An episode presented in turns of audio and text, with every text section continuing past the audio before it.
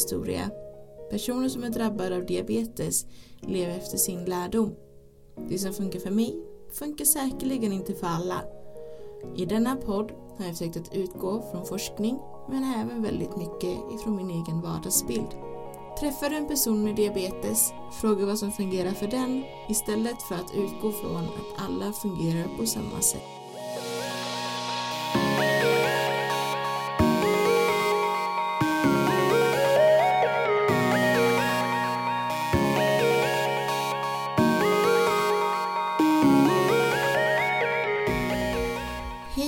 Välkomna till en diabetikers historia.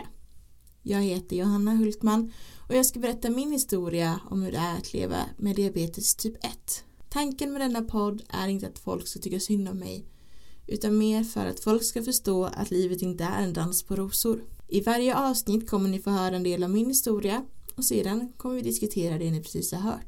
Men nu sätter vi igång. Förra gången slutade vi precis innan jag skulle byta till vuxenavdelningen på sjukhuset. Så här kommer del 3 i min historia.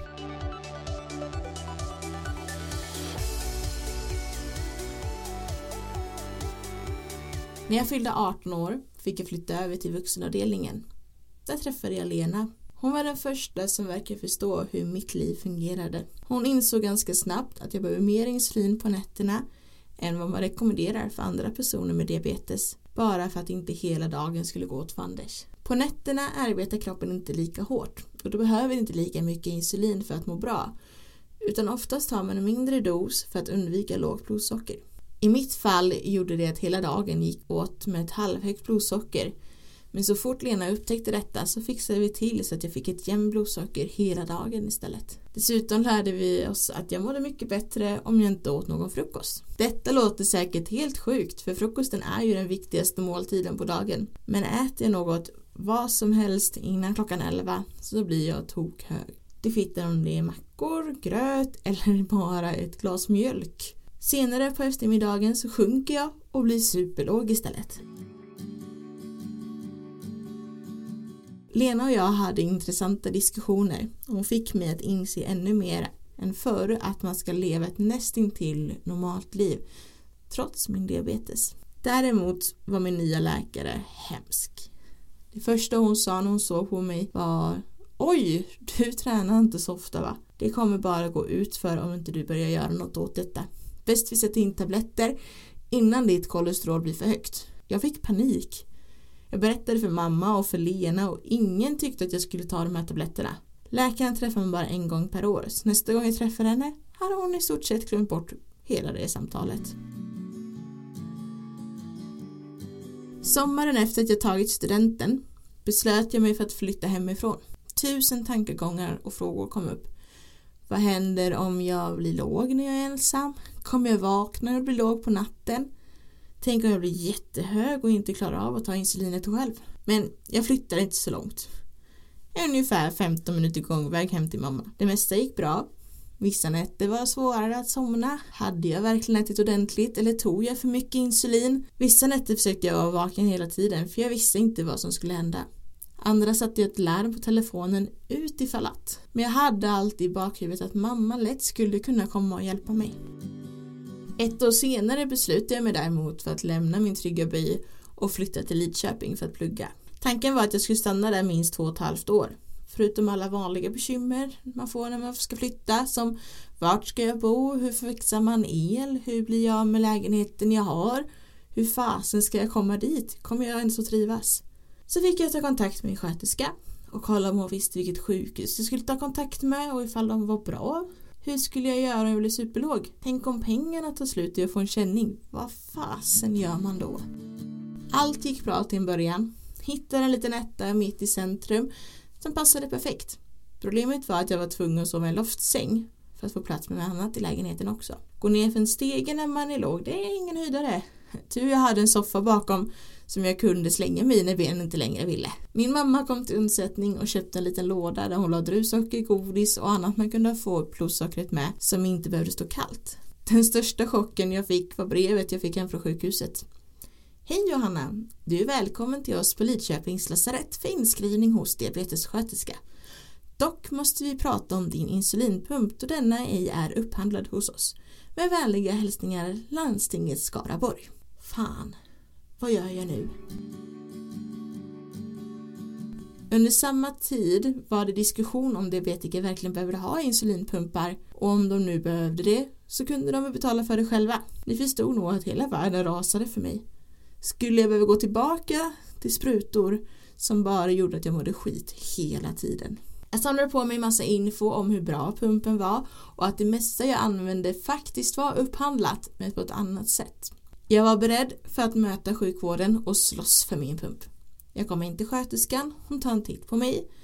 Ser lite smått äcklad ut. Jaha, du är en sån, säger hon lite tyst. Jag ser på dina värden här att du måste börja tänka på din vikt. Jaha. Det tog alltså fem minuter för henne att konstatera att allt var min vikts fel. Jag kommer bli av med pumpen. Till slut kom vi in på samtalet om pumpen och hon kollade tillbaka för att jämföra hur jag mådde innan jag hade pump. Det är en stor skillnad på hur mitt blodsocker låg. Så hon skrev det som ett plus. Om jag gick med på att byta nålar och allt sånt så att det passade dem så kunde jag kanske få kvar den. Åh vad härligt, sa jag lite för högt. Vad händer när jag måste byta ut den om ett halvår? En pump har en försäkring på fyra år. Den håller längre, men skulle den gå sönder efter fyra år får man stå för hela kostnaden själv. Så både lasarett och pumpföretagen brukar rekommendera att man ska byta efter fyra år. Nej, vi brukar inte byta efter fyra år här. Vi byter när den går sönder. Då får vi ju utvärdera igen om du verkligen behöver den. Studentliv kan innebära mycket festande. Jag pluggar idag på halvdistans så vi var bara ett litet gäng som bodde i Lidköping. Men vi hade riktigt roligt de gånger vi gick ut på krogen. Som en person med diabetes måste man tänka en eller två gånger extra när man ska dricka alkohol. Det där med att grunda extra har en helt annan betydelse. Jag lärde mig att äta ordentligt innan jag skulle ut och festa. Dessutom skulle jag helst dricka drinkar med riktig läsk i. Det är lättare att rätta till ett högt blodsocker än att få upp ett lågt blodsocker om man är för full. Dessutom var det alltid ett måste att stanna till på pizzerian på vägen hem och ta en kebabtallrik. Inte jättedumt faktiskt.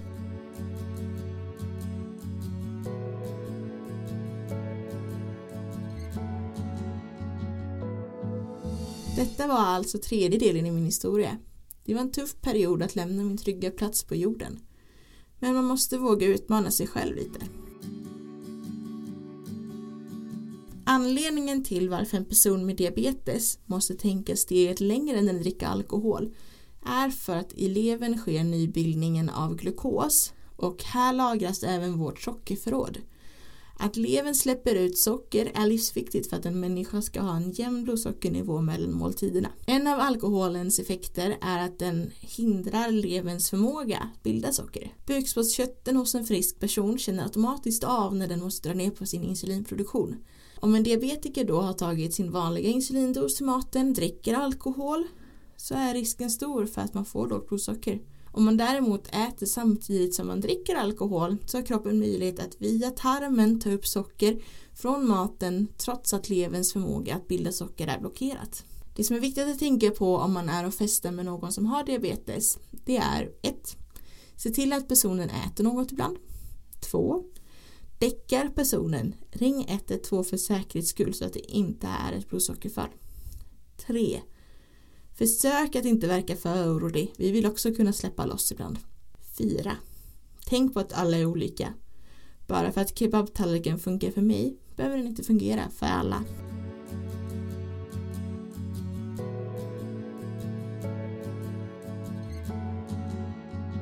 Tack för att ni lyssnat på en diabetikers historia med mig Johanna Hultman. Nästa vecka är sista avsnittet för denna säsongen. Det avsnittet kommer vara lite annorlunda upplagt. Jag pratar om kärlek, sorg och rädsla. Följ mig gärna på sociala medier där jag heter En diabetikers historia både på Facebook och Instagram. Har ni några frågor eller funderingar? Mejla mig gärna till en Musiken är gjord av I am sleepless.